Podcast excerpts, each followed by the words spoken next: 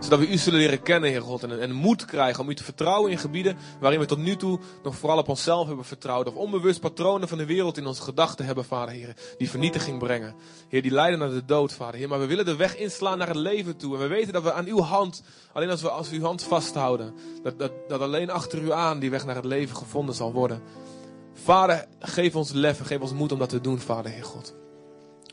We geven u onszelf, we geven u ons lichaam, Vader.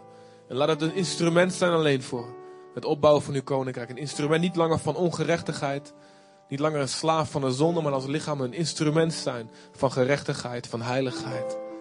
En dat we zonder schuld en schaamte, Heer, elk moment naar u toe kunnen gaan, Vader, Heer. En niet belemmerd meer zullen worden door schaamte, schuld, twijfels, dingen die ons naar beneden trekken, Vader God, Heer. En we kunnen stralen hierin om in een duistere omgeving, zodat de wereld u kan gaan zien door ons heen, Vader. Neem ons, Heer. Kneed ons. Wil je vragen om de plek waar je bent, gewoon voor jezelf te zeggen tegen God. Ja, gewoon eh, spreek een zin uit van overgave. Of, of spreek uit dat je hem vertrouwt. Of iets wat je op je hart hebt. Iets wat je voelt wat goed is om te doen. Spreek uit, bevestig opnieuw de belofte die je gemaakt hebt. Dat, dat je jezelf aan hem geeft. Je mag ook eerlijk zijn als je, je denkt van ik weet eigenlijk niet zeker of ik u durf te vertrouwen. Mag je ook zeggen tegen God. Hij zal je tegemoet komen vandaag. Dank u wel, dat u ons leven gaat aanraken, Vader God. En ons gezond gaat maken op alle gebieden. Zoals uw woord zegt, waar de rivier stroomt, de levensstroom, de rivier uit de tempel. Waar de rivier stroomt, zal alles gezond worden. In Jezus' naam, laat het zo zijn, Vader. Amen. Amen. Amen. Dank jullie wel. We gaan zo nog een tijd nemen van aanbidding bij, uh, als we het avondmaal gaan vieren.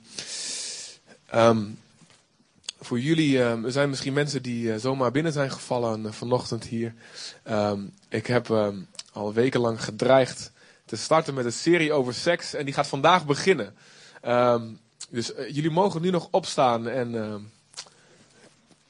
naar een andere gemeente gaan. Alhoewel, die zijn allemaal vroeger begonnen dan wij. maar goed, eh, dan weten jullie waar jullie in terecht zijn gekomen. Um, ik heb een, um, een, uh, een schoenendoos met een gat erin uh, neer, laten zetten voor een paar weken. Waar mensen hun vragen in konden inleveren. En um, die wil ik in de loop van deze serie, ik denk dat er twee en waarschijnlijk drie zondagen gaan worden. ga allemaal gaan beantwoorden. En die vragen kunnen nog steeds ingeleverd worden. Um, we vergeten om de doos hier nu uh, neer te zetten. Maar uh, die staat in ieder geval de hele week op het kantoor. Je kunt het ook mailen. Je kunt ook het briefje geven aan een, op, een briefje opvouwen of aan mij geven of aan iemand anders die op kantoor komt. misschien aan Bianca. En dan zullen wij zorgen dat die, zonder dat die gelezen wordt, zonder dat we weten van wie die is, dat die nog erbij komt bij de vragen. Dus dat kan nog steeds, ook gedurende de komende maand. En vandaag ga ik beginnen. En uh, volgende week komt Gerard de Groot. Wie vindt hem cool? Wie vindt Gerard cool? Ik, ik, wie kent Gerard niet nou dan? Wie kent Gerard niet zeg? Oh. Goed, het is... Um, nou, er wordt een interessante ontmoeting dan volgende week. Want Gerard is voorganger in Rotterdam. En is een van de, ja... Ja, hij is iemand met, eh, ja, waar ontzettend veel kracht vanuit gaat. Die, die, die, God, die God heeft leren kennen door, door uh, hoogtepunten en dieptepunten. En uh, ja, er zit echt een apostolische, profetische zalving voor bevrijding en voor nou ja, losmaken van allerlei verkeerde patronen. En voor geloof die zit op zijn leven. En dat merk je. In elk woord bijna wat hij spreekt en als hij voor mensen bidt. Uh, dus ik ben heel blij dat hij er is volgende week. En ja, en dan daarna 20 en 7, waarschijnlijk dus ook 27 nog uh, ga ik verder. Dus het zal een serie zijn. Um, ik wil je ook sterk aanraden om alles mee te maken. Omdat ik vandaag misschien dingen ga zeggen die ik pas volgende week gewoon, omdat er zoveel, eigenlijk heb ik, heb, heb, heb, heb gemerkt, je hebt wel drie tot vier uur nodig om alle vragen te beantwoorden en om een goed beeld te geven van uh, wat God te zeggen heeft over seks. en dat kan natuurlijk niet allemaal op één ochtend. Of wie wil hier tot, tot twee uur, drie uur doorgaan vandaag. Maar om gewoon um, dat um, het goed overzichtelijk te houden, heb ik dat denk ik dat, dat, dat ik dat in drie stukken ga knippen. Maar misschien zeg ik dus vandaag wat waar niet helemaal op in kan gaan. Zorg dan dat je de andere twee uh, boodschappen ook hoort. En zorg dat je erbij bent, dat is altijd, uh, altijd het krachtigste. Maar mocht je echt door overmacht volgende komende weken iets missen, zorg dan dat je luistert uh, op internet naar de rest. En mochten na die serie nog steeds vragen onbeantwoord blijven, dan wil ik het ook graag horen. Want dan plakken we misschien over een tijdje nog een ochtend achteraan. Of zal ik misschien um, op de website een artikel wat schriftelijk wat nog wat beantwoorden. Oké, is dat goed zo? Elf jaar geleden um, heb ik de stoute schoenen aangetrokken en um, een heel leuk Colombiaans meisje, waar ik al een tijdje een soort van gek op was, nou heel erg gek op was, maar um, heb ik de stoute schoenen aangetrokken en heb ik haar na het badmintonnen met de jeugd van onze kerk, uh, heb ik uh, in, het, in het ten overstaan van iedereen gezegd van, uh, Nathalie, ik fiets jou naar huis. En toen heb ik een hele romantische fietstocht met haar gemaakt en een afslagje gemaakt naar het voetbalstadion van Go Ahead in Deventer. Om gewoon als een aanknopingspunt om verder te praten. En um, toen heb ik haar ook nog uitgenodigd om wat te gaan eten. Heel romantisch, zoals een echte student betaamt. Uh, uh, Turkse pizza met aardappelschijfjes en knoflooksaus in de shawarmazaak. En daar hebben we vervolgens van 6 tot 12 uur s'avonds gezeten, zonder dat we wisten hoe lang het duurde. Tot op een gegeven moment haar moeder ons belde waar haar dochter bleef. En in die, tijd hebben we elkaar de liefde verklaard. En het was uh, 11 jaar min twee weken geleden dat Nathalie aan, um, aan God had gezegd: Heer, uh, ik word gek van die jongen. De ene keer doet hij alsof hij me leuk vindt. Dat was als ik wel een beetje alleen was. En de andere keer dan doet hij alsof ik gewoon een van de rest ben. Dat was als ik bij de mensen was. Want ik wou, ik, ja, ik had als, ik, als iedereen weet dat ik haar leuk vind, dan moet ik heel snel een keuze maken. En, en daar ben ik nog niet aan toe. Dus zij werd een beetje gek voor mij. En uh, in Colombianen, bij Colombianen is het zo dat er echt een man het initiatief neemt. En um, ze zijn nog twee weken, als er twee weken niks gebeurt, dan, uh, ja, dan stop ik er met die, mee met, om, ja, met die jongen om te gaan. Want dan, dan, dan is het gewoon niks. En was 6 februari 2000 was precies de laatste dag van die twee weken van het ultimatum wat had gesteld. wat ben ik dankbaar dat ik net nog vlak voor het verstrijken van die tijd door de Heilige Geest werd geïnspireerd om haar mee te nemen. En um, ja, goed, we schrijven wel een keer een boek over. Wie heeft allemaal de Stentor thuis? En wie heeft de Stentor? Hebben jullie het artikel gelezen wat erin stond over Jan Zijlstra? Maandag. Wie heeft het gelezen of op internet? Wie heeft het gelezen? Nou, ik zal zorgen dat ook op de website wel een linkje komt. Um, ik zag al dat volgens mij hebben een aantal gemeenteleden zich ook bemoeid met de discussie die er op gang kwam op, op de website. Heel goed zo. Maar uh, de kracht van God stond in de krant. En dat is heel mooi. Nagish heeft vorige week getuigd van hoe het gaat en het gaat nog steeds goed. Heb je gezegd, hè? En we zijn blij met wat God gedaan heeft. Ja, ik vind het applaus. Als het voor, voor mensen is, dan is dat oké okay zo. Als het voor God is, dan, dan klopt dat niet. Dan moet dat veel harder. Gods kracht is in ons midden. En dat moeten we niet voor lief nemen. Dat moeten we niet voor lief nemen. Gods, en Gods kracht blijft in ons midden. En we gaan ons meer uitstrekken naar, uh, naar ja, dat, dat we merken dat Hij er is in allerlei manieren. In liefde en in kracht. dat de wereld ziet dat Jezus leeft. Oké. Nou, daar gaan we. Um, het, zal, um, het zal vandaag nog niet heel erg um, expliciet worden, zoals, dat, zoals ze dat zegt. Zoals men dat zegt. Ik wil vandaag eigenlijk het belangrijkste van Gods hart laten zien. Vanuit het woord. Ik heb veel bijbelteksten voor jullie. Kijken of we aan alles toekomen. Um, maar het kan dus zijn dat uh, of de 20ste of de 27ste um, ik een aantal dingen uh, ga noemen waar, waarin misschien als je een kinder, kinderen die vanaf uh, 12 jaar hier zitten, u misschien niet zo gemakkelijk bent als, als je naast je vader of moeder zit of dat je naast je kinderen zit. Nou, misschien is dat ook helemaal geen probleem. Maar goed, ik wil jullie wel vast dat eventjes uh, meegeven. Dat het kan zijn, de 20 of 27 dat ik wat dingen moet noemen. Um, waar u misschien eventjes van schrikt. Ja, dat komt omdat jullie daar vragen over gesteld hebben. En ik heb beloofd dat ik daarop in zou gaan. Dus ik wil jullie vast waarschuwen. Maar misschien is het ook helemaal geen probleem. Maar ik dacht, ik vind het goed om wel eventjes te zeggen. Um, ja, blijf niet om die reden weg, zou ik zeggen. Maar goed, als jij echt zoiets hebt van... ik moet hier niet naast die of die zitten... dan, dan ga rustig eventjes dan de volgende keer verplaatsen. Oké? Nou beloof ik jullie wel heel veel leuks, hè? Oh ja, op het scherm. Eh, dat ik zeg, doe even de oren van je man of van je vrouw dicht. Nee. Goed, wij kunnen dit aan of niet? Wij kunnen dit, hè? Wij kunnen dit. Ik moet tegen mezelf zeggen, ik kan dit. Halleluja, vader. En ik ben, uh, ik ben dus drie preken tegelijk al aan het voorbereiden. Ik heb het eigenlijk alles ben ik al aan het voorbereiden in één keer. En het probleem bij mij is dat, ik, ik, ik ben zo overtuigd van de waarheid van Gods woord. Ik wil alles al in één keer dan tegen jullie zeggen. Dus dat is mijn grootste probleem vandaag, dat ik niet alles in één keer al weggeef. Bid voor mij. ik wil vast een beetje weggeven wat er gaat komen. Um, vandaag wil ik, uh, wil ik gaan zeggen dat, dat seks van God komt. Amen. dat ons lichaam heilig is. Uh, wat de aard van seksuele zonde is. Um, hoe we een algemeen iets van hoe onze relatie met God daarin kan helpen. Uh, hoe we weer schoon kunnen worden. En misschien ook nog wat de stappen zijn tot, uh, tot bekering in het algemeen, ook van seksuele zonde. Um, en misschien nog wat andere dingetjes. We gaan even kijken hoe het loopt.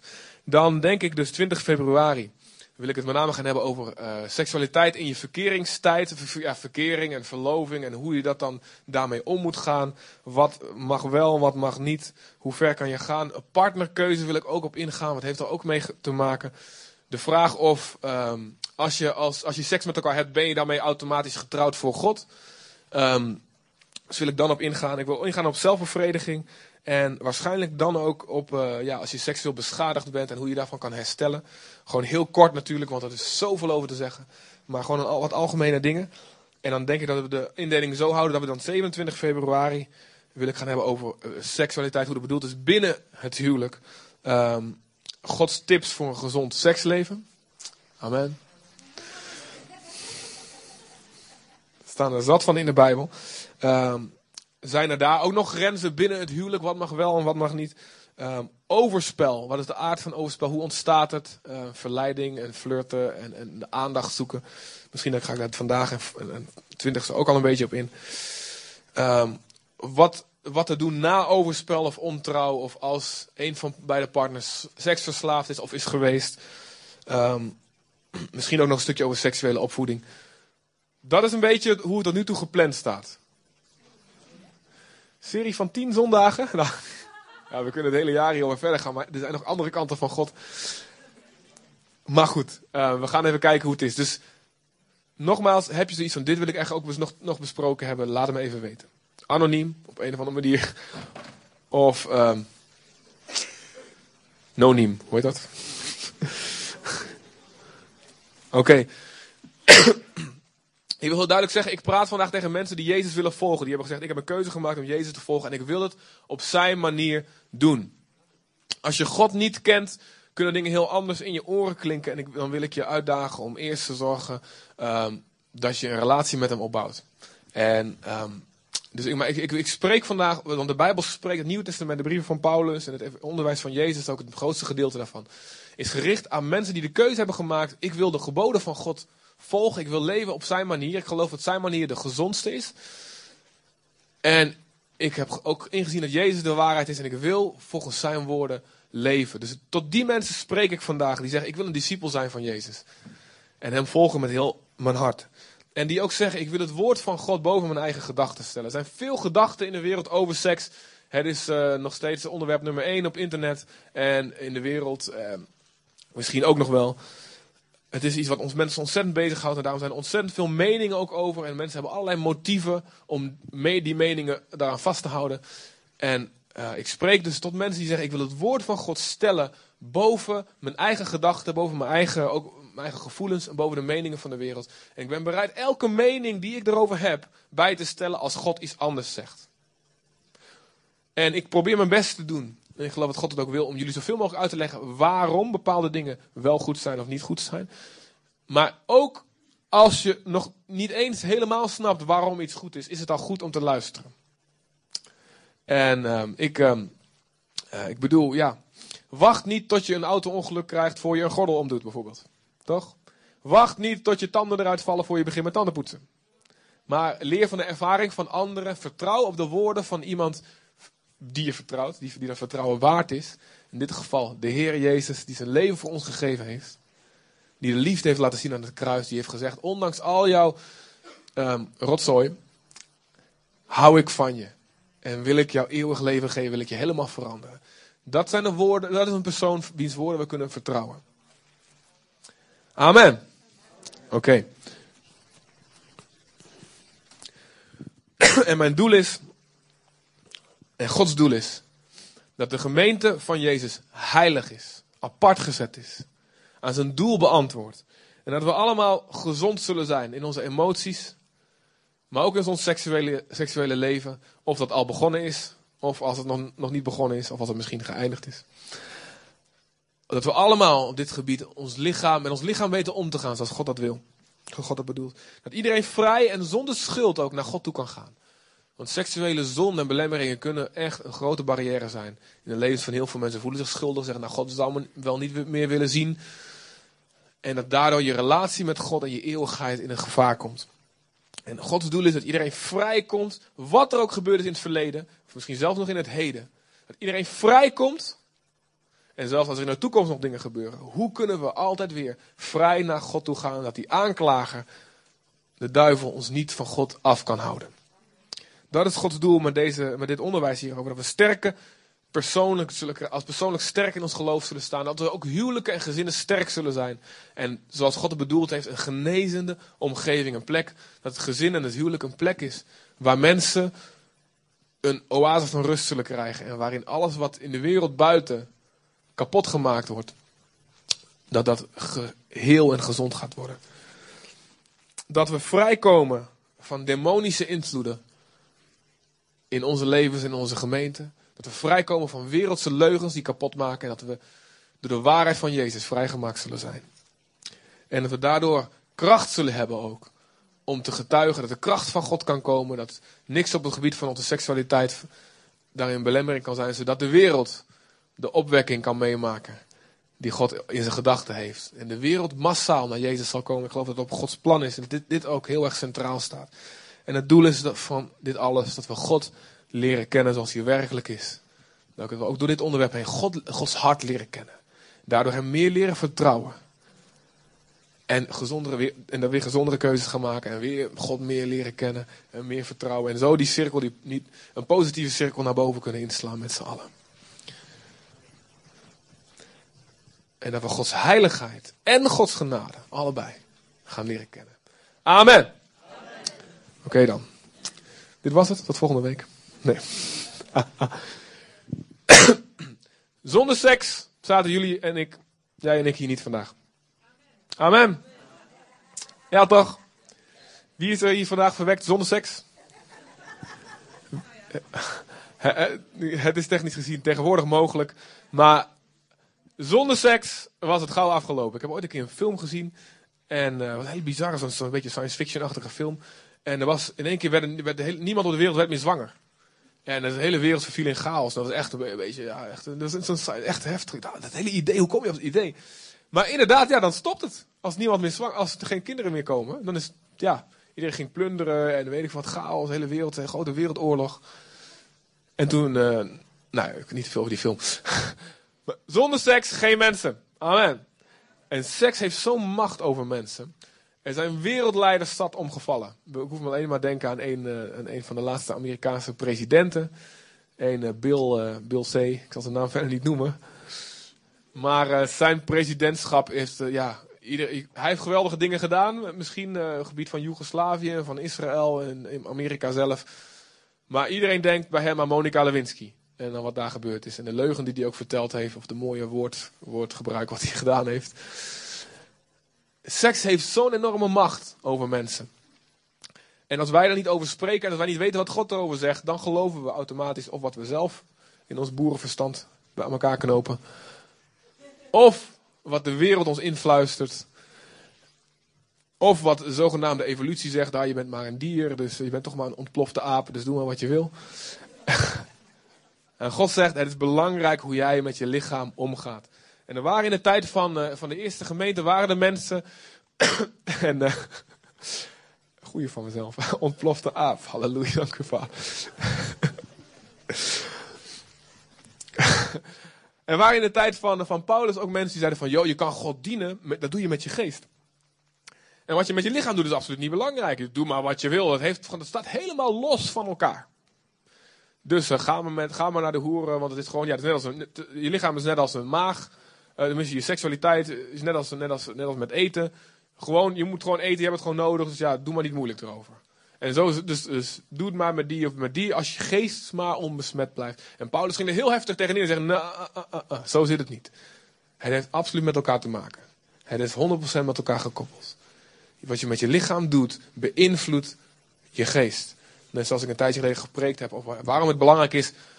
Als in, in de Bijbel, hef je handen op, of kniel, of dans, of dat ook in het positieve, het doet iets wat je doet met je lichaam, dat beïnvloedt ook weer je geest. Het heeft een wisselwerking, maar zo ook in het negatieve. En ook seksueel in het positieve. Als we een gezond seksleven hebben, dat beïnvloedt ook weer onze geest, onze ziel, onze hormonen, onze emoties. Dus het is heel erg belangrijk. En um, dit is echt zo'n preek waarin ik heel veel water nodig heb. Misschien wel iemand. Uh... Oh, staat hier voor me, dankjewel. Ja. Ik denk dat ik er nog wel eentje nodig heb. Maar die, dat chocolade, dat, uh... dat komt wel goed.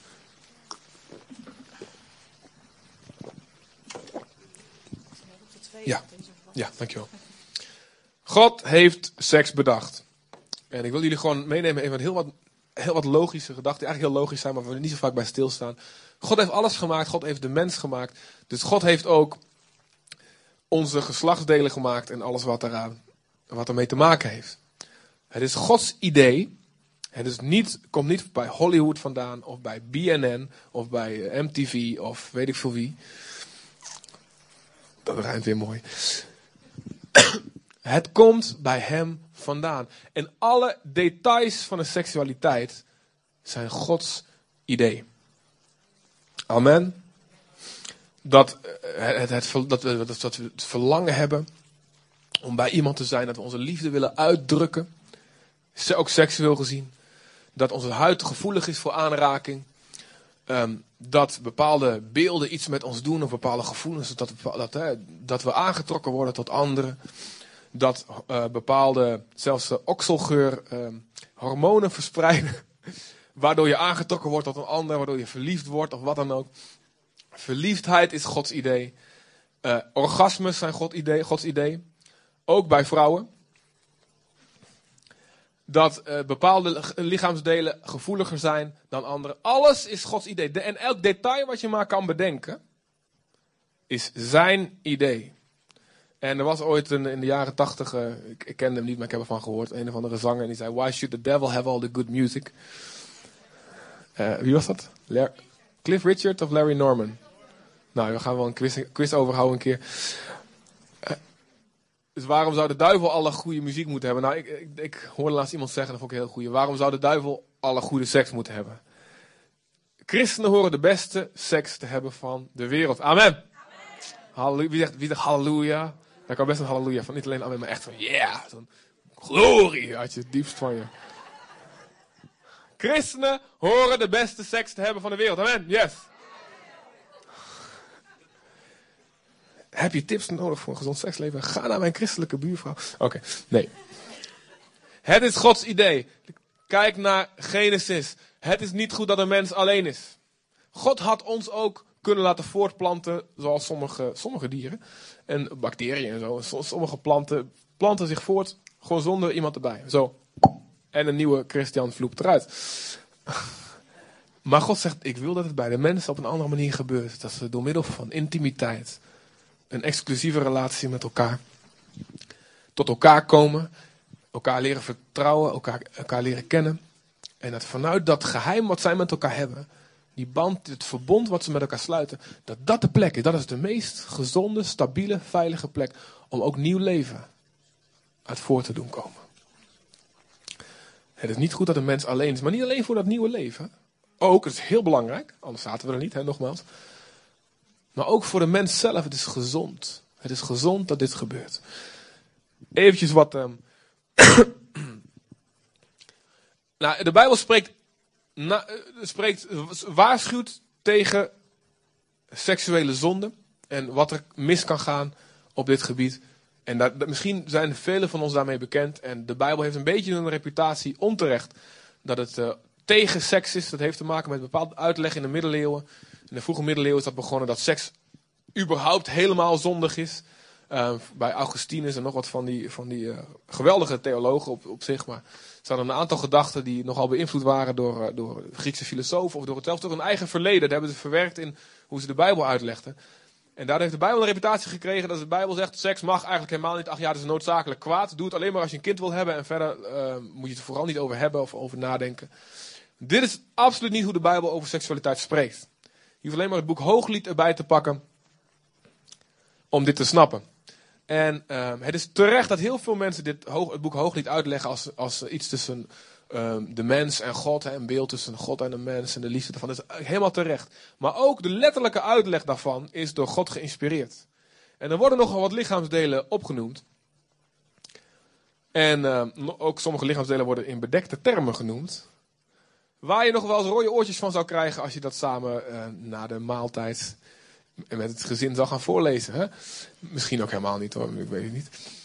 Maar God, de Bijbel kan ook heel positief spreken over seksualiteit. Ook in spreuken staan een aantal dingen. Hè? Laat de borsten van je vrouw je te alle tijden dronken van vreugde maken. Amen. Bijbelse uitspraak.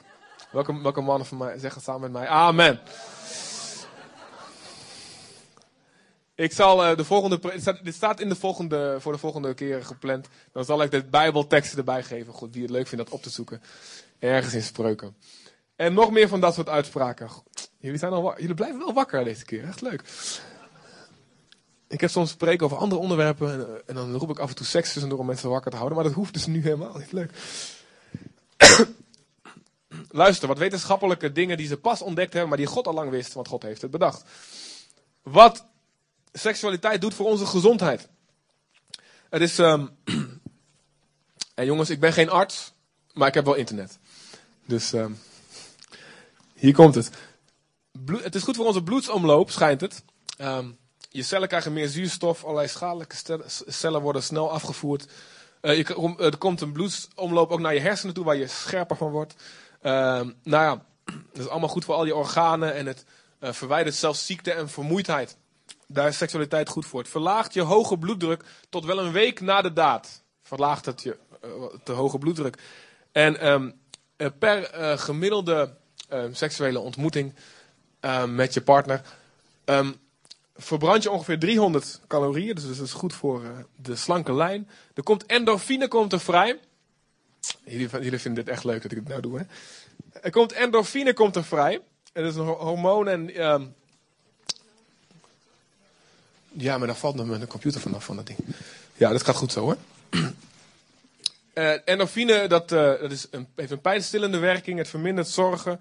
Het kan ook goed werken tegen migraine, slapeloosheid of nek- en rugpijn door stress. Dat is een goed idee. Dankjewel. Um, het oefent je bekkenbodemspieren. En uh, dat is weer goed voor een man, voor een prostaat. En het is heel goed ook later tegen um, problemen zoals incontinentie. Um, het komt oxytocine komt er vrij, waar je een beter humeur van krijgt, waarin je beter tegen stress kan. Dat is goed voor je emotionele welzijn. Ook dat werkt pijnstillend. Ook vooral tegen hoofdpijn. Dus um, dat. helaas is het dus zo dat, dat hoofdpijn geen goed, goede smoes meer is. Want dan kunnen we zeggen, nou dan is het juist een goed idee Die houden we erin, dat dacht ik. Luister, ik ga het later nog hebben over geen schuld en manipulatie gebruiken binnen je huwelijk. Dat komt later nog. Jammer, hè? Nee, heel goed is dat. Um, en, en, dat werkt. Um, oxytocine zorgt dat het stresshormoon cortisol voor langere tijd onderdrukt wordt. Er komen meer witte bloedlichaampjes vrij en het werkt ook goed tegen uh, depressies. Uh, er komen pheromonen vrij. Dat is heel interessant. Uh, die worden extra gestimuleerd door seks, dus, uh, door seks. En daar ga je beter van ruiken. Dus dames, als je zegt, mijn man ruikt niet zo lekker.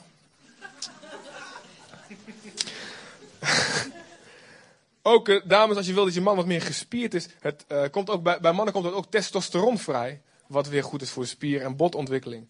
Bij de vrouwen um, komt er oestrogeen vrij. Of zeg je oestrogeen? Oestrogeen, dat dacht ik al. En dat is goed voor, weer voor huid en haar. Huid en haar en hem. Goed, Timo. we, gaan, we gaan een goede tijd hebben komende week, jongens. Ehm, het maakt ook nieuwe hersencellen aan. Wist je dat? En daarom werkt het goed tegen dementie.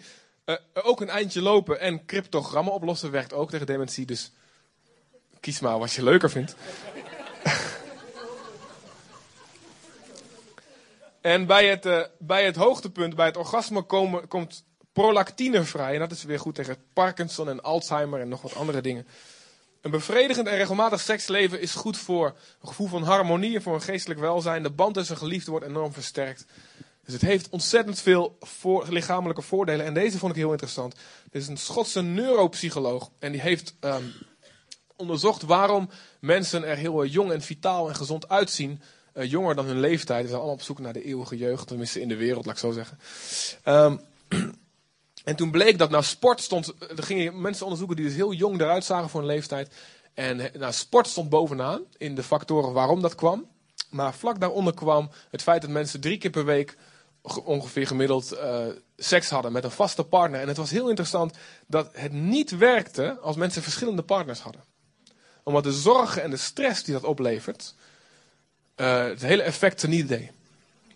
Dus met een vaste partner. Monogamie is om andere reden heel erg gezond. Nou, ik ga daar verder nu niet op in. Maar zo zie je dat God ons lichaam bedacht heeft. En als God iets bedenkt, heeft hij ook een gebruiksaanwijzing erbij. En als je iets niet, niet volgende gebruiksaanwijzing gebruikt, maar je denkt ik ga die stereo zelf uh, of die IKEA-kast op mijn eigen inzicht in elkaar uh, knopen, dus draaien, dan weet je wat er gebeurt. Tenminste bij mij, ik ben geen, uh, geen technisch genie en dan moet ik halverwege alles weer afbreken. En, en zo werkt het dus ook op, met ons lichaam, onze seksualiteit. God heeft een gebruiksaanwijzing. Wees niet eigenwijs, vertrouw de maker. Geestelijk gezien, seks is de lichamelijke vertaling van een verbond wat we gesloten hebben. Ik geef mezelf aan jou. En dat geef je niet, niet alleen. Je, geeft niet alleen je geest aan elkaar, maar je geeft ook je ziel, je emoties. En je geeft je lichaam. Heel interessant dat um, de, als er staat dat de mens voor de eerste keer seks heeft, dan staat er uh, in Genesis 4, vers 1: Adam kende zijn vrouw. Dat staat er in het Hebreeuws. En er staat in de vertaling, verschillende vertalingen wordt er wel eh, gemeenschap of. Uh, maar het staat, hij kende zijn vrouw. En dit laat zien wat seksualiteit, hoe het, bedoeld is. Het is een intiem, we kennen elkaar. Ik heb, we vertrouwen elkaar. Ik geef mezelf aan jou. En ik, ik ken jou en ik ben gekend door jou. En dat is een veilige omgeving. Een rustgevende omgeving. Het is, het is ook een vorm van communicatie. Het geeft een boodschap. Nogmaals, ik geef mezelf aan jou. Ik vertrouw jou genoeg om mezelf bloot te geven. Om mezelf aan jou te geven. En in die intimiteit, je hebt eigenlijk een geheim met elkaar. Zo heeft God het bedoeld. Je hebt een, een geheim met elkaar en dit is een goed geheim. Iets wat niemand anders hoeft te zien. Iets wat niemand anders hoeft te weten. Iets wat niemand anders de details allemaal van hoeft te horen. Dit is iets tussen jou en mij. Dit weten wij van elkaar. Tussen jou en degene met wie je een verbond gesloten hebt. Interessant dat ook God zegt: uh, um, wie mij vreest, daar heb ik, ik vertrouwelijke omgang mee. En ik maak hen mijn verbond bekend. Psalm 25, vers 12 staat dat. En daarom is het huwelijk een, ook een afspiegeling van de relatie tussen God en ons. In het verbond, in het kennen van God, het beter leren kennen van God en weten dat we gekend zijn door Hem. In die intimiteit, daar wordt iets uitgewisseld. Het zaad van Gods woord komt in goede grond. En daar wordt iets geboren wat mag rijpen en wat uiteindelijk nieuw leven voortbrengt. Dus in die zin is de relatie tussen man en vrouw is een geheim, een, een afspiegeling en een heel geest, een mysterie noemt Paulus het. Wat we niet bedoeld is om altijd een mysterie te blijven voor iedereen. Maar wat we samen met elkaar mogen ontdekken. En in die zin is seks op Gods manier een vorm van aanbidding. Amen. Dus uh, mannen, vrouwen, je mag uh, vanavond tegen je partner zeggen: Het is tijd om God te aanbidden. Laten we wat aanbiddingsmuziek op, wat zachte aanbiddingsmuziek opzetten. Oké, stop met die grapjes nu. Gezonde seks heeft het gevolg, gezond seksleven, zoals God het bedoeld heeft, heeft het gevolg dat we ons geliefd voelen, dat we ons verbonden voelen met elkaar, dat we bevestigd worden, dat we versterkt worden in onze identiteit. Er kan ontzettend veel humor aan te pas komen ook. Die veiligheid is er. Je kunt ontzettend lachen met elkaar om goede seks. Amen. En dat is Gods bedoeling. Want je, weet, en dat is het mooie. Kijk, als je allerlei wisselende partners heeft zoals de wereld het aanprijst. Hè, dat zoveel mogelijk en zo, zo vroeg mogelijk. En, je bent nooit, er is nooit die veiligheid. Er is nooit dat, die intimiteit. Er is nooit dat gevoel van ik ben gekend door jou. Er is altijd die angst. En ook, je moet altijd presteren. Was het wel goed? Want ik heb misschien maar één keer, ah, nou, die, die persoon gooit me weg als het niet goed was. Terwijl als je getrouwd bent met elkaar je weet, ik blijf mijn leven lang met die persoon. En wat er gebeurt, hij blijft me trouw. Ik blijf, of zij blijft me trouw en ik blijf haar of hem trouw. Als het een keer helemaal mislukt, wat nog wel eens gebeurt, dan kun je erom lachen. Toch? En die angst is er niet. Er is vrijheid, er is veiligheid, er is... En daarom wordt de seks ook steeds beter. Want er is, eh, zoals in alles is het ook, in, in de gemeente is het ook zo, op een werkplek, waar er ruimte is, waar mensen zich veilig voelen om fouten te maken, komt er, komen, komt er potentieel naar boven en worden mensen, kunnen, kunnen ze zich verbeteren. Dus. En het kan werken op het gebied van, van de gezondheid en echt een genezende omgeving zijn. En bijdragen aan die band, die huwelijksband, als die sterk is. Als die band sterk is, dan worden, worden, worden de mensen die, die aan die band deel hebben, worden gezond. En het hele gezin, als daar kinderen zijn, het hele gezin profiteert van de gezondheid. De gemeente profiteert van die gezondheid. De, de bredere familie. Eh, en iedereen profiteert van die gezondheid. Want gezonde mensen kunnen vrucht dragen. Niet alleen letterlijk, maar ook geestelijk. En het kan, gezond seksleven kan voor vele mensen de weg zijn letterlijk naar de hemel. Mensen kunnen gered worden. Kan er aan, toe bijdragen. Aan de andere kant, seks op de manier zoals de duivel het ons influistert. Zorgt voor schaamte. Zorgt voor schuldgevoelens. En als reactie weer allerlei dingen die we gaan doen om die schuldgevoelens en schaamte op te lossen. Waar we weer dieper in, in verkeerde patronen terechtkomen. Kan zorgen voor ontzettend veel pijn waarvan ik weet dat ook in deze gemeente, wat overal is, mensen dat ook meegemaakt hebben. Het kan bijdragen aan trauma's die misschien een, mens voor het leven lang tekenen. Het kan bijdragen dat onze persoonlijkheid helemaal anders gaat reageren. En dat we op zoek gaan naar allerlei manieren om een gat wat geslagen is door verkeerde seks te vullen op een verkeerde manier. En we daardoor steeds verder van God afkomen, steeds verder van de juiste keuzes afkomen. En uiteindelijk een weg naar de hel inslaan kan zorgen voor manipulatie, begeertes die niet gecontroleerd worden, zorgt voor geweld, het zorgt voor allerlei ziektes, geslachtsziektes, maar ook allerlei stressdingen en al die dingen die ik net genoemd heb, die gebeuren dan allemaal andersom. Het kan leiden tot een lichamelijke dood, nu tijdelijk, maar dat is ook de eeuwige dood, wat ik, wat ik heb gezegd.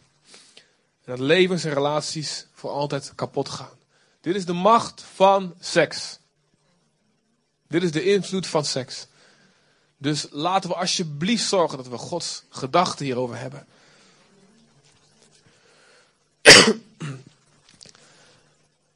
Ik wil iedereen herinneren dat we, als op het moment dat we ons leven aan Jezus hebben gegeven, en ik, bij de meeste van jullie hopelijk is dat uitgedrukt in de doop, zoals we vorige week hebben meegemaakt. Wat trouwens te gek is, en er komt een filmpje van de doop van Talita, die gaan we op, op de website nog zetten. Dat heb ik nog niet gedaan, dat ga ik even doen.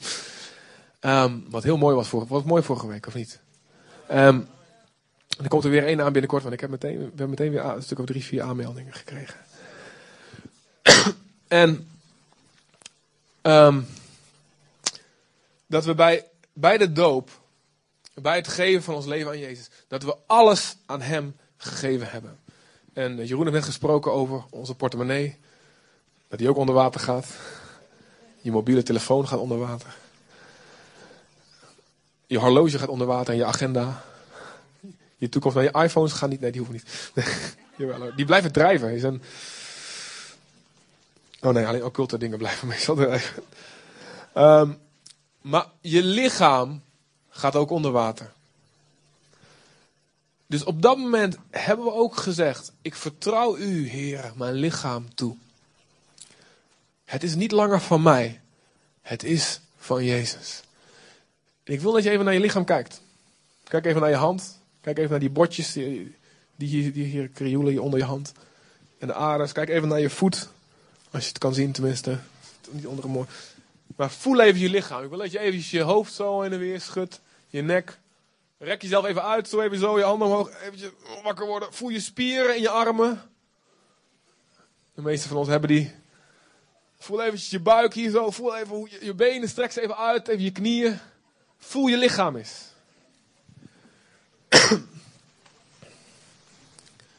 en leg eens even je handen op je hoofd. Doe eens even je handen op je hoofd. En voel eens hier, voel eens hier je bot, je kaak zo. Doe je kaak eens open en voel eens hoe die open en dicht gaat. Voel eens hier die, die, die, die holtes van je oogkas. Over honderd jaar is het alles wat ons van ons, over, is. Van ons, dit lichaam tenminste, van ons oude lichaam. Dan zijn we allemaal van die grote ogen hebben dan. Eh, voel eens hoe, hoe, warm je huid is. Voel eens hoe warm het is. Ik zei niet bij je buurman, eh, bij, bij, bij. Voel dat eens. Voel eens aan je haar. Ja, jullie, ik hoor een Anna zijn meteen geïnspireerd. Heel goed zo.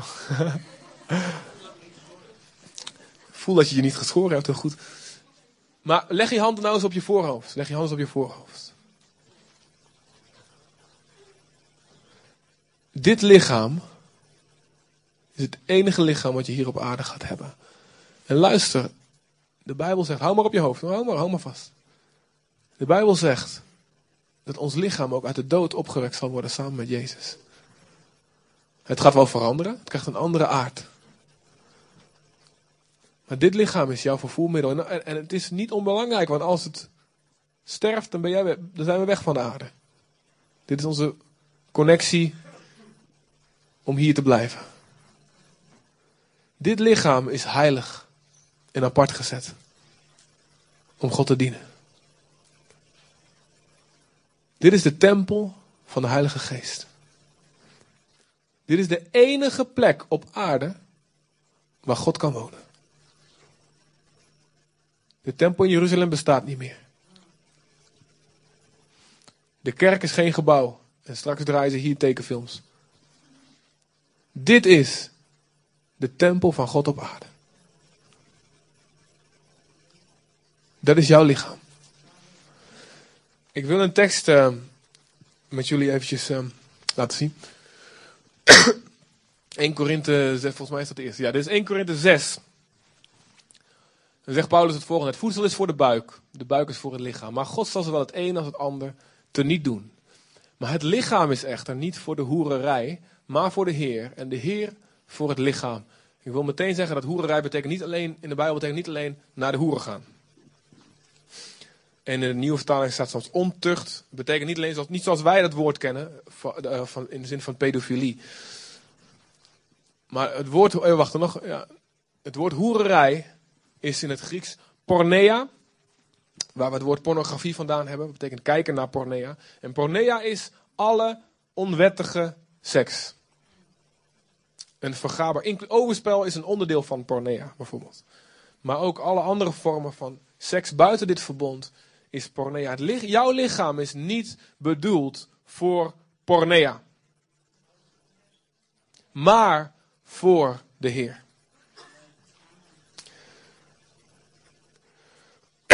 um, even naar de volgende. Weet u niet dat uw lichamen leden zijn van Christus? Zal ik dan de leden van Christus nemen en die maken tot leden van een hoer? Volstrekt niet. Of weet u niet dat wie zich met een hoer verenigt, één lichaam met haar is? Want die twee, zegt hij, zegt God, zullen tot één vlees zijn. Maar wie zich echter met de Heer verenigt, is één geest met hem. Als je seks hebt met iemand, word je één lichaam, één vlees met ze. Dat is wat de Bijbel zegt. Je wordt één met ze. En waar je één mee wordt, dat beïnvloedt je. Als je, als je jezelf hecht aan heel veel verschillende mensen, betekent dat er heel veel verschillende invloeden, ook geestelijke invloeden, jouw leven binnenkomen. En jouw leven toelaat. En voordat ik verder ga, want ik ga nog wat engere dingen zeggen, wil ik zeggen: overal is herstel en vergeving, totale vergeving voor mogelijk. Dus wil ik van tevoren al zeggen. Maar ik wil ook, wel ik wil ook de ernst laten zien van wat er gebeurt. Je lichaam is eervol. Er staat namelijk verschillende plekken in de Bijbel dat het lichaam van mensen kan onteerd worden door onwettige seksualiteit. Als iets onteerd kan worden, dat betekent dat er dus, dat er dus een eer aan zit. Je lichaam is iets eervols, een tempel van de Heilige Geest.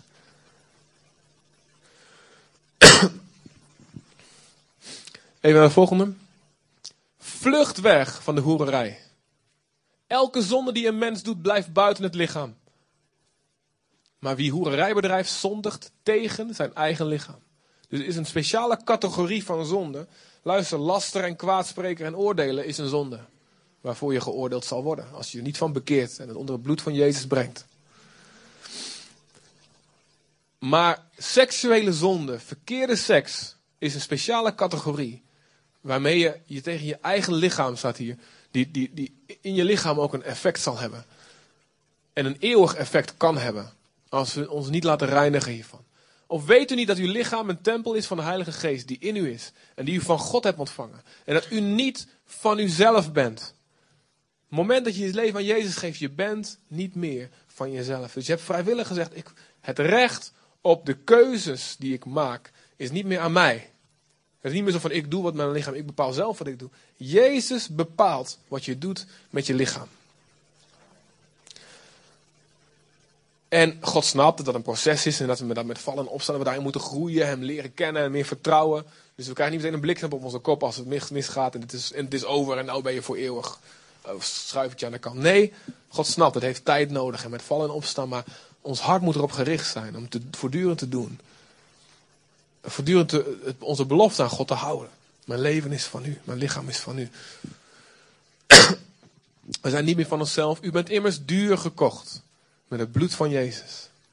Hij heeft alles gegeven om jou en mij te kopen. Om ons vrij te kopen van de slavernij van de zonde. Verheerlijk daarom God in je lichaam en in uw geest die van God zijn. Vlucht weg van de hoererij. Als er iets is wat jou leidt tot onwettige seks of tot verkeerde gedachten daarover. Ren weg, doe niet stoer en zeg ik kan er wat tegen. Ren weg. Wat deed Jozef toen die vrouw van Potifar elke dag in dag uit hem aan zijn kleed trekte? Elke dag. Ga met me naar bed. Ga met me naar bed. En hij rende weg. En ze pakte zijn kleed vast en had ze... Zo hard rende die. Zo hard moet jij ook rennen. Ga niet stoer doen. Zeg, nou, ik ga hier een beetje omheen. Ik kan wel een beetje met dit soort mensen omgaan. Ik kan wel een beetje dit soort gesprekken voeren. Een beetje dit soort films kijken. Een beetje dit soort websites. Maar een beetje dit soort boeken lezen. Ren. Ren. Ren voor je leven. Zegt de Bijbel. Ren voor je leven mannen of vrouwen die opmerkingen maken, die iets van je willen. Ren voor je leven. Ga niet zeggen, ik moet ze redden. Oh ja, ik wil ze de Heer laten zien. Ren weg. Oké? Doe niet stoer. Je kunt ze het beste redden door God te gehoorzamen. God zegt, vlucht voor de hoererij, wegwezen. Amen. Je lichaam is heilig. De volgende tekst is 1 Korinthe, dat ook 1 Korinthe, 1 Korinthe 3. Weet u niet dat u Gods tempel bent en dat Gods geest in u woont? Als iemand de tempel van God te gronden richt, of in schenden staat in de oude vertaling nog, dan zal God hem te gronden richten, want de tempel van God is heilig. Deze tempel bent u. God zegt, als iemand aan mijn tempel komt, kom ik aan hem. Dat staat hier toch? Ik leg het goed uit, hè? Als iemand aan mijn tempel komt, heeft hij met, krijgt hij met mij te maken. Als iemand mijn tempel onteert, onteer ik hem, zegt God. Luister eventjes God is lief, God is liefde, God is genade. Maar God is ook toorn en rechtvaardigheid en heiligheid. En God is degene die in oordeel zal komen. Hij zegt, ik zal alles van de aardbodem wegvagen. Staat er.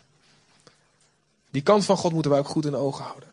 En God zegt, als iemand aan mijn tempel komt, dan kom ik aan hem. Tenzij die persoon zich bekeert. Want dan komt de, die toren en het oordeel, die, die boosheid die ik daarover heb, komt het op het kruis van Jezus. En niet meer op jou. Dit is zo'n sterke uitspraak. Dat zegt iets over anderen die jou iets aandoen. Als iemand jouw lichaam onteerd heeft, met je, met je toestemming, maar ook heel vaak gebeurt dat helaas zonder onze toestemming. God zegt, die persoon staat op mijn lijstje. En ik ga die persoon te gronden richten, zegt God. Tenzij die vrede met, met mij maakt door het bloed van het kruis. Dus dat zegt meteen, als, je, als jij slachtoffer bent van seksueel misbruik. En God zegt, ik wil dat je het vergeeft. Dat betekent niet dat God zegt, en nou, ik ga niks meer tegen die persoon doen. God zegt, ik heb nog steeds die persoon. Die staat op mijn hitlist. Tenzij die vrede met mij maakt. Dus je hoeft dan niet te denken, die rechtvaardigheid, ja, dat wordt allemaal vergeten wat mij aangedaan is. Maar God wil dat voor jou best wel, dat je loskomt van die persoon. Dat je hart loskomt. Ik ga je later nog meer over hebben. Dit is zo'n sterke uitspraak, ik wil dat je deze tekst onthoudt. Als iemand de tempel van God te gronden richt, zal God hem te gronden richten. Maar dat betekent ook dat wij zelf niet onze eigen tempel te gronden moeten richten. Maar het moeten heiligen. Het eervol moeten behandelen. Geef je leven, inclusief je lichaam aan God. Ontvang de Heilige Geest. En die verkeerde seksuele begeerte, en de begeerte ook naar, naar geld en naar andere dingen, die vernietigt de wereld. Er staat in de volgende tekst 2 Petrus 1, vers 4. Er staat, God heeft ons de grootste en kostbare belofte geschonken. Omdat u daardoor deel zal krijgen aan goddelijke natuur. Wauw, je wordt een deel van Gods natuur. Je wordt een deel van God. Lichaam van Jezus, tempel van de Heilige Geest. Je wordt, je gaat de goddelijke natuur. Nadat u het verderf dat er door de begeerte in de wereld is, ontvlucht bent. Luister, het verderf is in de wereld door wat? Wat staat hier? Zeg het allemaal. Het verderf is in de wereld door Luister, God heeft ons gemaakt met, met behoeftes. Behoefte aan eten, behoefte aan waardering, behoefte aan erbij te horen, behoefte aan, ook de behoefte aan intimiteit en met seksuele behoeften. God zegt, als je mij vertrouwt, dat ik genoeg ben voor al die behoeften, dat ik een manier heb om jou die behoeften op een goede manier te vervullen. Door een relatie met mij, door mij te vertrouwen. Als je dat doet, zal het je goed gaan.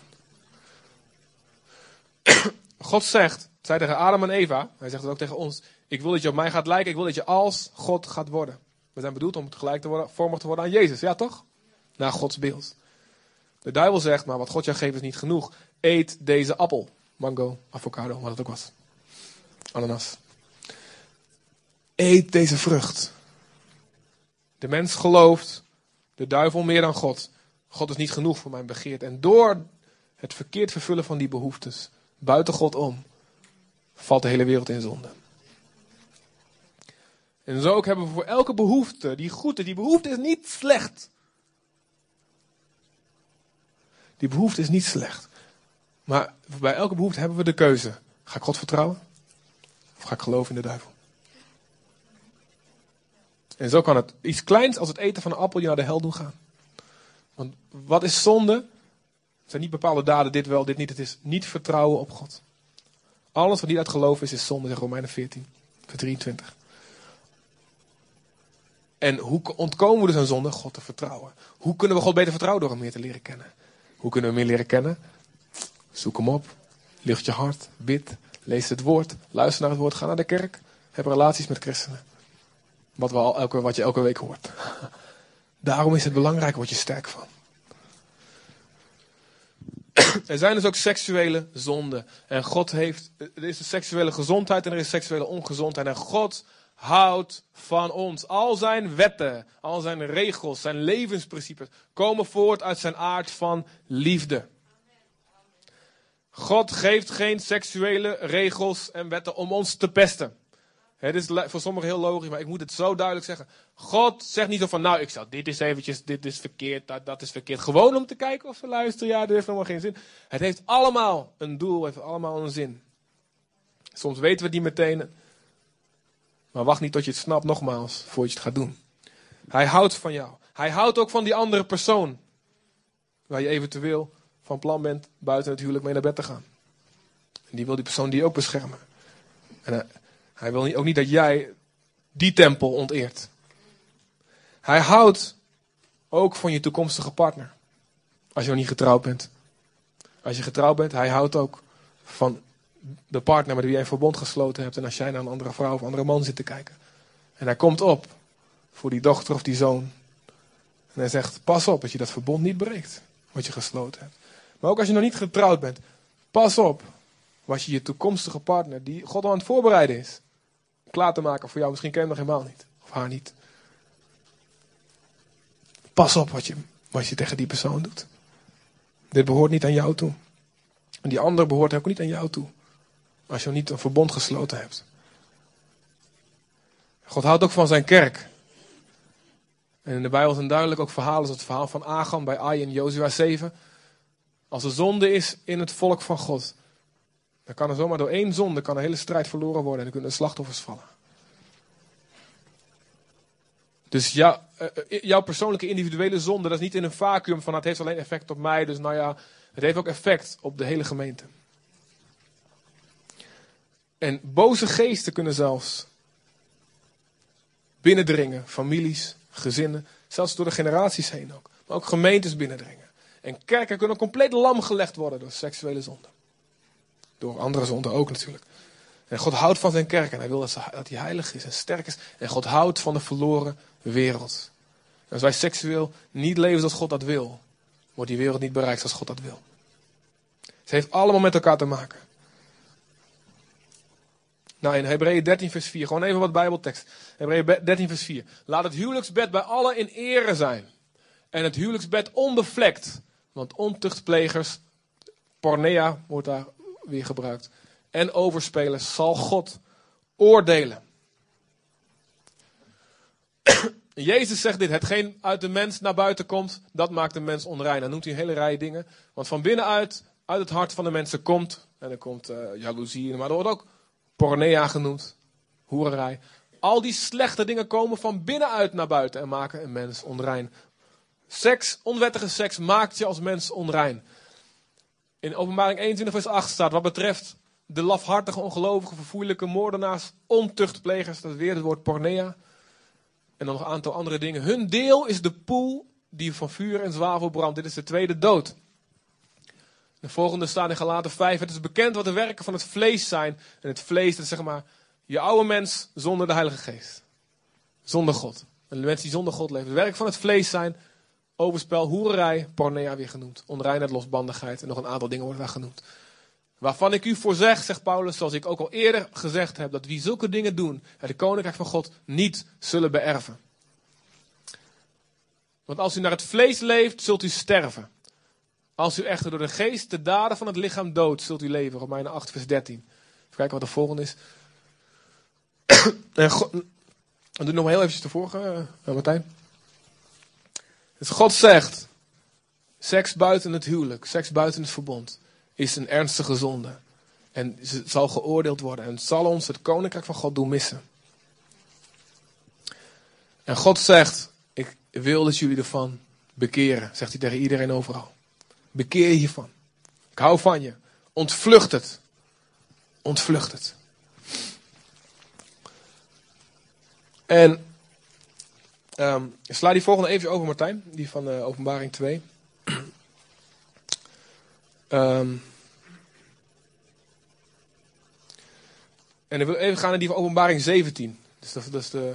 Die staat oké. en de duivel heeft een plan om de wereld te vullen met seksuele onreinheid, met seksuele zonde. Hier staat, ik zag een vrouw zitten op een scharlakenrood beest dat vol van godslastelijke namen was, met zeven koppen en tien horens. En de vrouw was bekleed met purper en scharlaken, getooid met goud, edelgesteente en parels. En ze had een gouden drinkbeker in haar hand, vol van gruwelen en van onreinheid van haar hoererij. En even later staat over diezelfde vrouw, de hoer van Babylon wordt ze genoemd. Zij is gevallen, zij is gevallen, het grote Babylon. En een woonplaats van demonen geworden. Een schouwplaats voor allerlei onreine geesten. En een schouwplaats voor allerlei onreine en weerzinwekkende vogels. Want van, dat zijn allemaal beelden voor, voor boze geesten. Want van de wijn van de toren van haar hoererij hebben alle volken gedronken. En de koningen van de aarde hebben hoererij met haar bedreven. de kooplieden van de aarde zijn rijk geworden door de kracht van haar losbandig leven. Seks is big business. De hotels van de wereld verdienen massa's geld aan de porno die door 50% van de klanten bekeken wordt. De harde porno die bekeken wordt als, als die klanten daar op een kamer zitten s'nachts. Het is grote business. Er gaan miljarden, ik heb het getal gelezen van de week, iets van, van zoveel honderd miljard gaat erin om. En zo zelfs dat de politiek erdoor beïnvloed wordt. Zeggen van ja, er is zoveel geld. En ook zoveel belastinggeld. Bijvoorbeeld in de Verenigde Staten is er zoveel belastinggeld wat er naartoe gaat. Dat het, het een vertakking heeft, de hele wereld. En je ziet hier dat het een demonisch plan is, een satanisch plan is om de wereld te vullen met allerlei losbandigheid en pornea. En ik wil dat je weet dat, het, dat je dus onder de macht komt van deze demonische machten. Als je je lichaam onteert door seksuele zonde. Het is een plan om in, wat in de eindtijd steeds sterker zal gaan worden. Om als het ware een vertakking van onreinheid overal naartoe te brengen, zodat de mensen onder die macht komen. En ik wil dat je weet, ik ga je later nog op in, dat elke keer als, als mensen porno kijken op internet, elke klik is mede verantwoordelijk voor de wereldwijde handel in vrouwen, gedwongen prostitutie, zelfs kinderen die misbruikt worden, bordelen die opgezet worden. Want als er geen vraag zou zijn, zouden die films niet geproduceerd worden, zouden, al die bordelen niet opgezet worden. Dus pornografie stiekem kijken heeft enorme impact. Wereldwijd. En heb ik het nog niet eens over de, invloed, de, de ingang die jij geeft aan Satan om jouw huis binnen te dringen. En zelfs misschien als je een man bent en je kijkt stiekem s'nachts porno op je, internet, op je internetverbinding terwijl je kinderen boven ligt te slapen. Jij kijkt daar beneden. En de, de demonen komen boven in de kamer, die kinderen binnen. En krijgen invloed om die generaties te, binnen te dringen. Luister, we moeten dit ontvluchten. We moeten ons leven brengen onder de kracht van het bloed van Jezus, wat ons kan reinigen. En wat de kracht van deze duisternis kan verbreken.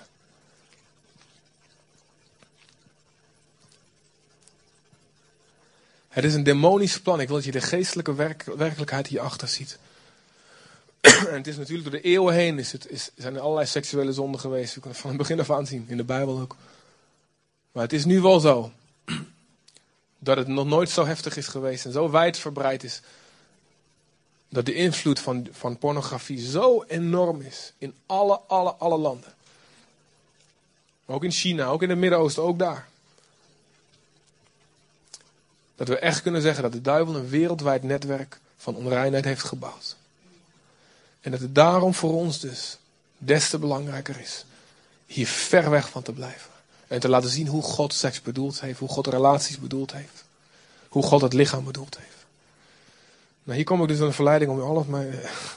Ik heb nog veel meer hierover te zeggen. En Jezus zegt ook, hij noemt de macht van Izebel in openbaring 2. Die erachter zit, die verleidt mijn knechten om pornea te plegen. Er zit een macht achter. Je staat tegenover een demonische macht. Die invloed probeert te krijgen op jouw lichaam. Om zo de gemeente te verlammen. Jouw leven te verlangen. Jou ziek te maken, lichamelijk en geestelijk. En God zegt, ik wil dat je leeft. Ik wil dat je leeft. Ik wil dat je leeft. Ik wil dat je leeft. Er zijn natuurlijk heel veel dingen nog te zeggen over hoe dan precies. Hoe kom ik dan van vrij? Hoe kan ik dan gezond? Daar ga ik het ook over hebben. Maar dat zijn dus die dingen waar ik nou niet meer aan toe kom. Maar ik wil dat we vandaag de stap zetten dat we ons lichaam aan God opnieuw toewijden. En dat we een radicale keuze maken. Weg te vluchten van elk twijfelgebied.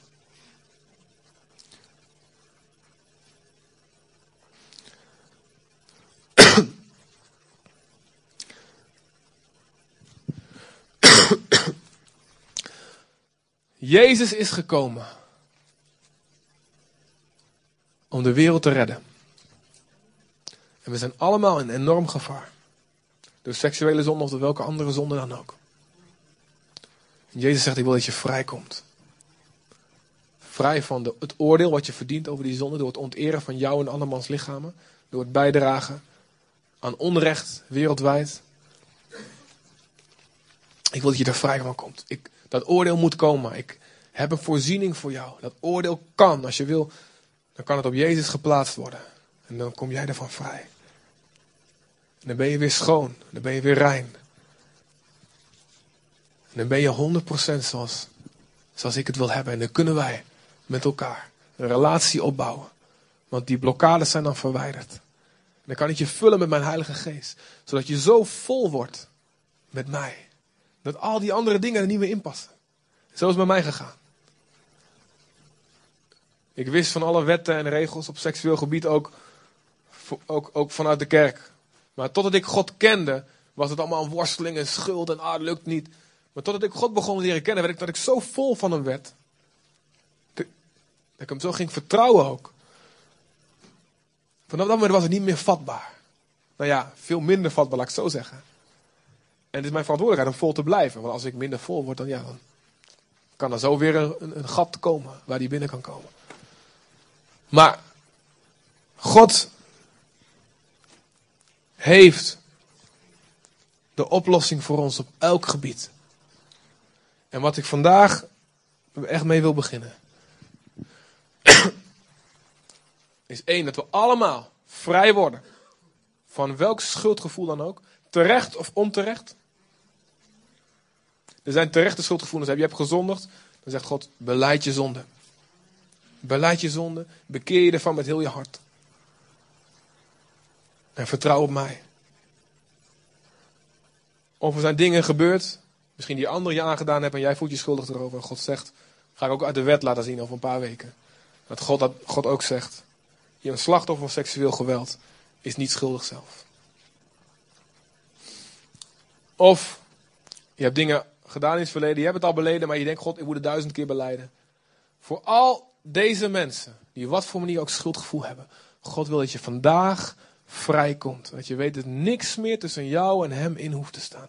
En wil dat je vandaag helemaal vrij bent om alles aan hem te vragen, om hem te aanbidden, hem te dienen. Met alle beleidschap en weten, God staat aan mijn kant. En wat, er ook met mijn, wat ik ook met mijn lichaam gedaan heb, alles is vergeven en genezen.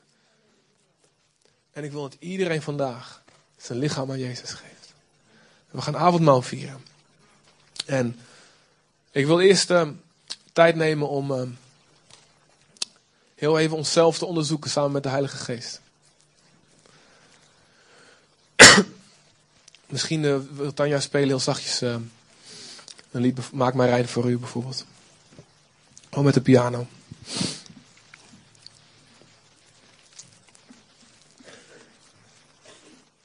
De duivel wil je op dit moment vertellen dat het niet voor jou is om vrij te komen van schuld. Dat je bijvoorbeeld te ver bent gegaan. Dat je te veel gedaan hebt. Dat al die andere mensen om je heen van die heilige boontjes zijn. En jij de enige bent die slecht bent. Dat je daarom maar beter weg kan gaan. Dat is de stem van Satan. Die wil je van God af, af hebben. God houdt van zondaars.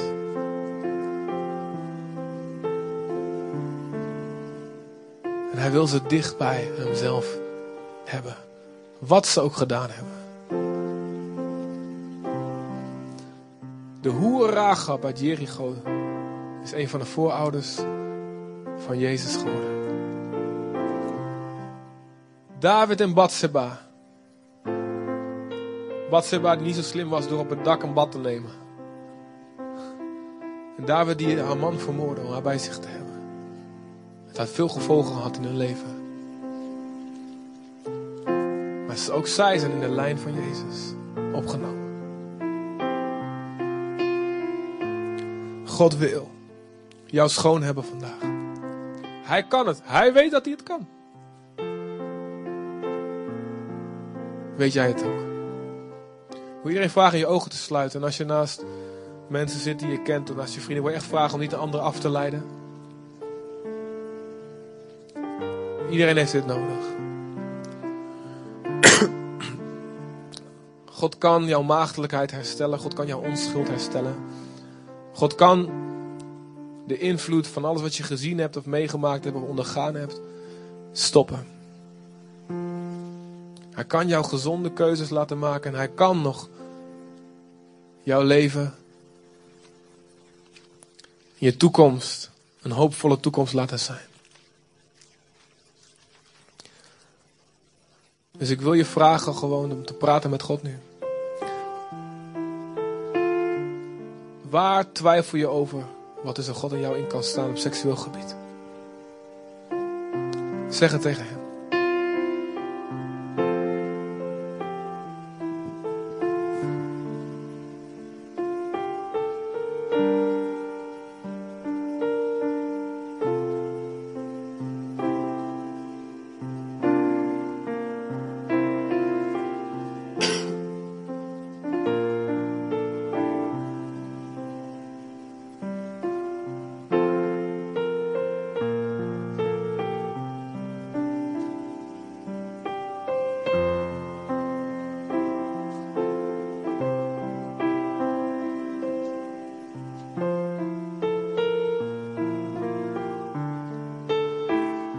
Iemand zijn zonde beleidt, dan is God trouw en rechtvaardig.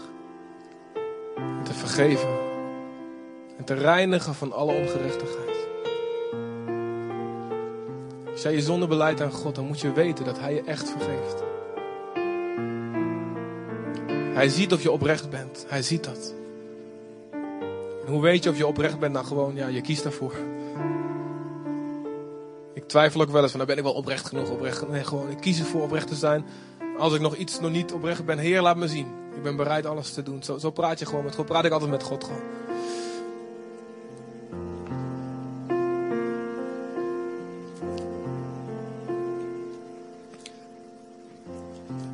Maar nu gaan we God het compliment geven dat hij te vertrouwen is. Dat hij doet wat hij zegt.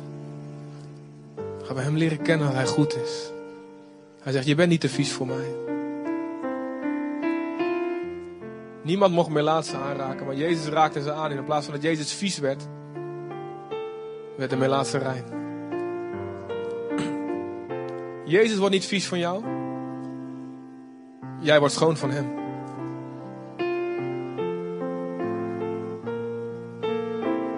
Raak hem aan op dit moment. Voel zijn reinheid naar je toe stromen. Laat je geweten gereinigd worden. Dat je herinneringen gereinigd worden. Dat je emoties gereinigd worden. Dat je lichaam gereinigd wordt. Dat je eer hersteld wordt op dit moment. Ik spreek uit, God zal de eer van jullie lichaam herstellen. Het moment dat je beleidt. En vanaf nu moet je elke aanklacht wegsturen die zegt, ja, hij is nog niet weg. Oh, God vergeet het toch niet. In Jezus' naam, ik verbreek de macht van deze leugens in dit huis.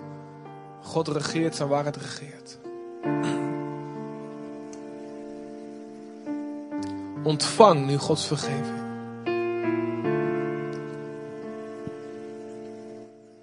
Durf te glimlachen naar Hem. Durf je hoofd op te heffen. Hij pakt je bij je kin en zegt: Hier, hij, hij duwt je hoofd zachtjes omhoog. Zegt, je mag naar me kijken. Je mag in mijn aanwezigheid komen. Je mag met me praten. Je mag mijn naam noemen. Ik schaam me niet meer dat je bij mij hoort. Ik schaam me niet dat je bij me hoort. Je bent mijn kind. Iedereen mag het weten. Je bent vergeven. Je bent schoon. Je zonden zijn aan het kruis genageld.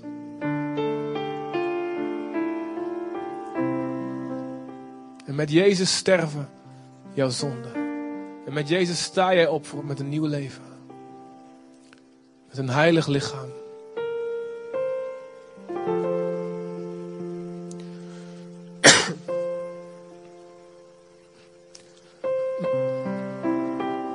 Zullen we het één keer zingen? Maak mij rein voor u.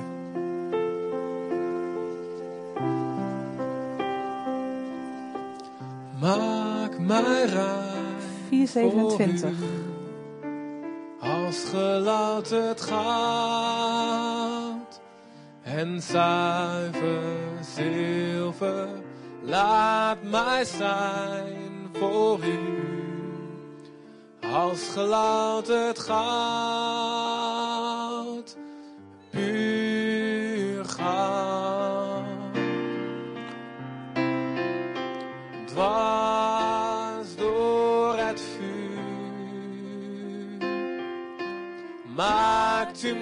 rein en puur. Ik strek mij uit, Jezus, naar meer van uw geest en uw heiligheid. Ja, ik besta Jezus, een dienstknecht te zijn van u, mijn meester. Steeds tot uw wil bereid. Tweede couplet van Maak mij rein voor u. Maak mij rein voor, was mijn leven schoon. Was mijn leven schoon, vergeef mijn zonde. Vergeef mij, laat mij zijn zuiver als uw zoon. Maak mij witter dan de sneeuw, Jezus zuiver als u. Heilig mij, kom o Jezus, heilig ons. Dwars door het vuur, maak u mij rein en puur. U mij, strek mij uit, o Jezus. Naar meer van uw geest, meer van uw heiligheid, o Jezus, Heer. Ik besluit met heel mijn hart om u te dienen, Jezus. Een dienstknecht te zijn van u, mijn meester. Steeds tot uw wil bereid. Zuiver als uw zoon. God wil je maken zuiver als zijn zoon. Je geeft Jezus jouw vuiligheid. Je legt je hand op hem en jouw vuiligheid stroomt door je hand heen naar zijn hoofd. En hij sterft aan het kruis met die vuiligheid in zijn lichaam. En hij legt zijn handen op jou en zijn zuiverheid stroomt naar jou. En de Heilige Geest waarmee hij zo vol is, die stroomt naar jou. En die wordt een tempel van hem opnieuw. En je eer wordt hersteld. Dus een zoon en dochter van God zoals je bedoeld bent. Je hebt vrede met God ontvangen. De gunst van God is op je leven zoals die op Jezus was. Je mag alles vragen in zijn naam en hij zal het je geven. De autoriteit van een zoon van God is op je leven.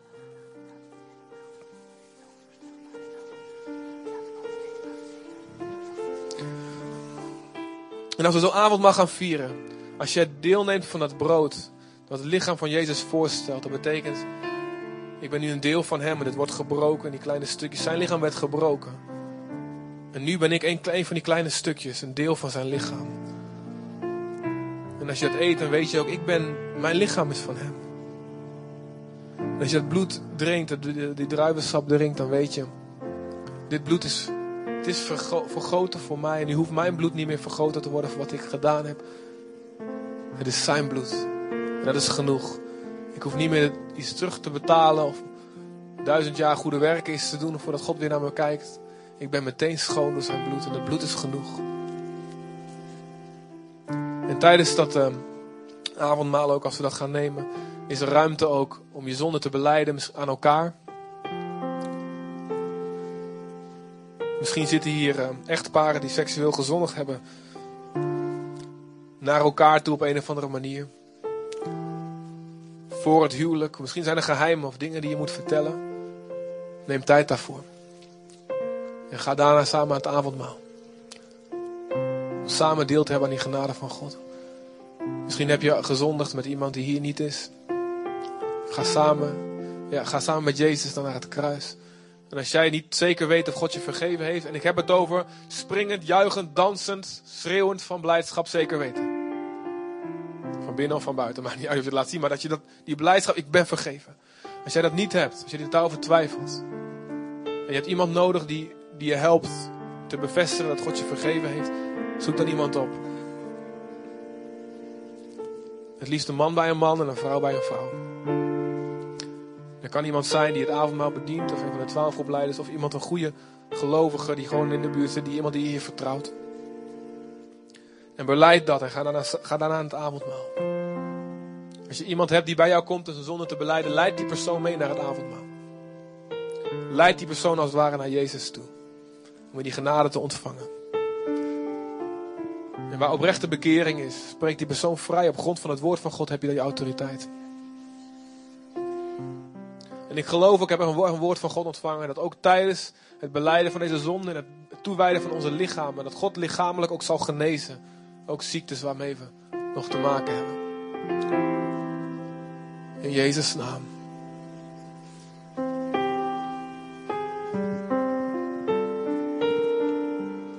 Ik wil ondertussen vragen of uh, Jeroen en Willeke en Wim en Eva naar voren willen komen. Mark en Renske en Hans en Hilde, of jullie alvast achter klaar willen staan. Ik wil vragen of de muziek naar voren komt.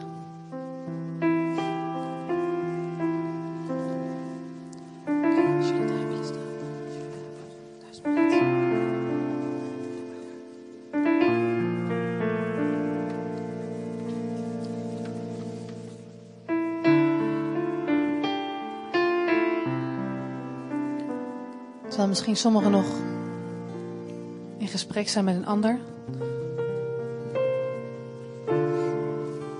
Ga rustig door.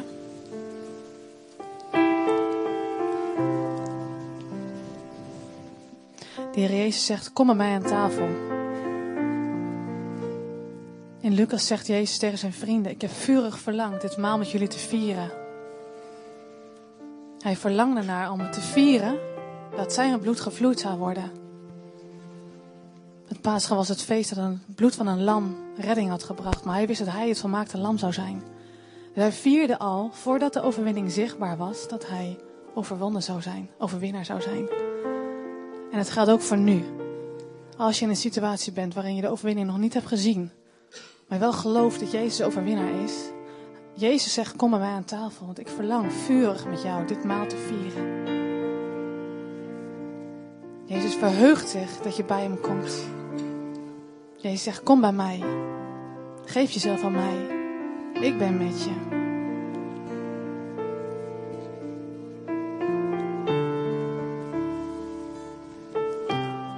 En Jezus zei dan, hij zegt nu, ik neem het brood. En nadat hij toen gedankt had, brak hij het en gaf het aan, aan hem met de woorden, dit is mijn lichaam dat voor u gegeven wordt. Doe dat mijn gedachtenis. Jezus heeft zijn eigen lichaam gegeven. Wij geven het ons aan hem terug nu. En evenzo nam hij de drinkbeker, na het gebruiken van de maaltijd, en zei, deze drinkbeker is het nieuwe verbond in mijn bloed, dat voor u vergoten wordt. Hij heeft een nieuw verbond met ons gesloten. Een nieuw verbond van intimiteit met Hem. Om Hem te kennen. We maken onszelf aan Hem bekend nu. En Jezus zegt, kom bij mij aan tafel. Vier met mij de overwinning. Ook al zie je Hem nog niet, Hij is al wel behaald. Voor de mensen die aan het avondmaal willen delen.